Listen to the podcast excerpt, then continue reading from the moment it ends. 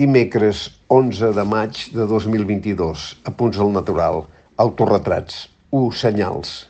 La premsa ha glosat abastament l'obscena seqüència del president Iberdrola Sánchez Galán assegunt, rient en gran excitació mentre tractava de tontos a 10 milions de clients de la tarifa regulada de les elèctriques.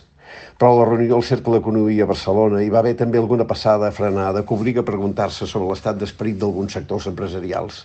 Així es va veure l'anèssima exhibició del ressentiment de classe davant de l'alcaldessa Colau, sovint amb gotes de masclisme mal contingut, com quan Javier Faus li diu que la presentació de la seva intervenció serà curta perquè no se l'ha preparat com la del president Aragonès, o com quan el president de Foment, Josep Sánchez Llibre, trona dient que els ciutadans han de poder circular en cotxe per Barcelona quan els hi doni la gana una posició, per altra part, clarament contrària a l'orientació de les grans ciutats en països democràtics.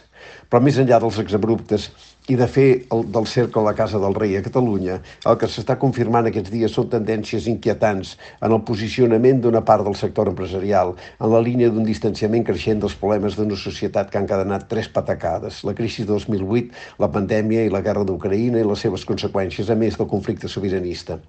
Un món nou que tracten amb mirada vella, fer el creixement horitzó absolut, menys tenir l'agenda ecològica o fer de la supressió dels impostos de patrimoni i de successions la prioritat és optar per la fugida endavant per no veure o no voler veure la gran amenaça al moment, l'autoritarisme postdemocràtic, que és el que s'acaba imposant quan es trenquen els equilibris socials mínims. I tot plegat adornat amb un cosmopolitisme provincià que dona per bona qualsevol iniciativa com tal de que vingui de fora, trencant així amb la gran tradició del margallisme que va situar sempre en el seu horitzó la voluntat de fer de Barcelona referent i no còpia, el model Barcelona. En l'escalada del procés independentista, els sectors empresarials varen baixar el to i salvar els mobles conforme a les exigències que venien de Madrid.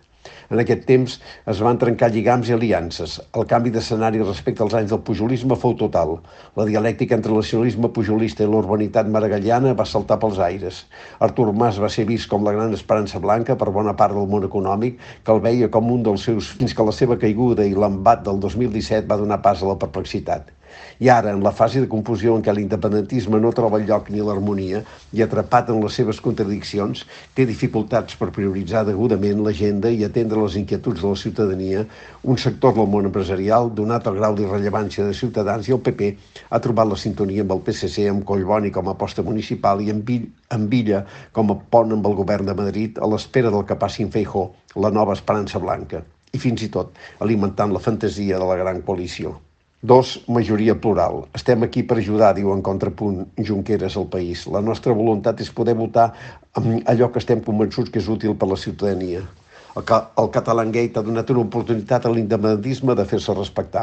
El president Sánchez, després d'uns primers moments de confusió, sembla haver entès el risc que corria. De moment ja ha donat un primer cap, la destitució de Pat Esteban, director del CNI, defugint les consignes de tancar files amb la dreta en defensa del deep state que predominaven en l'espai de comunicació madrileny.